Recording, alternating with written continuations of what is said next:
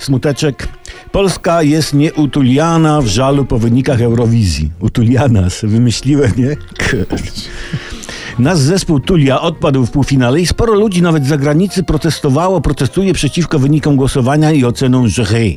I niesłusznie, niesłusznie, bo błąd popełniliśmy my, Polacy, wysyłając Tulię na Eurowizję. Omyłkę popełnili ci, którzy wybrali na konkurs piosenkę. No nie o to chodzi. Piosenki w Eurowizji są nieistotne, one tam nie chodzą.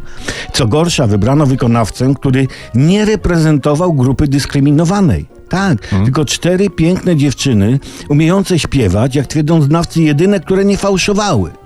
I, i, I co najgorsze, słuchajcie, żadna nie miała brody. No to z czym do ludzi? To już jest bezmyślność, ekstrawagancja i lekceważenie sobie zasad konkursu Eurowizji. No, słuchajcie, na drugi rok trzeba postawić na oryginalność, na inność. Pójść mocno w wyborze osoby. Celowo nie używam słowa wykonawca, bo wydelegowana osoba na Eurowizję niekoniecznie musi umieć śpiewać. Ba, nawet dobrze jak nie umie, bo się to jest, to jest właśnie dodatkowy plus dodatni. Eurowizja nie dyskryminuje osób fałszujących, wprost przeciwnie, nagradza odwagę. Nie umiem, ale występuję. Ważne by był to ktoś, kto zaskoczy, kto wyróżni się znacząco od reszty. I ja bym tu postawił, słuchajcie, idę na całość. Na mężczyznę bez brody.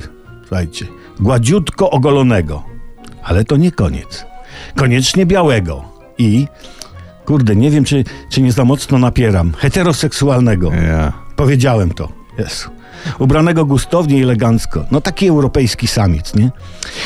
I już samo wyjście takiego mężczyzny na, na scenę Eurowizji wywołała wśród widzów i jury efekt niedowierzania wow.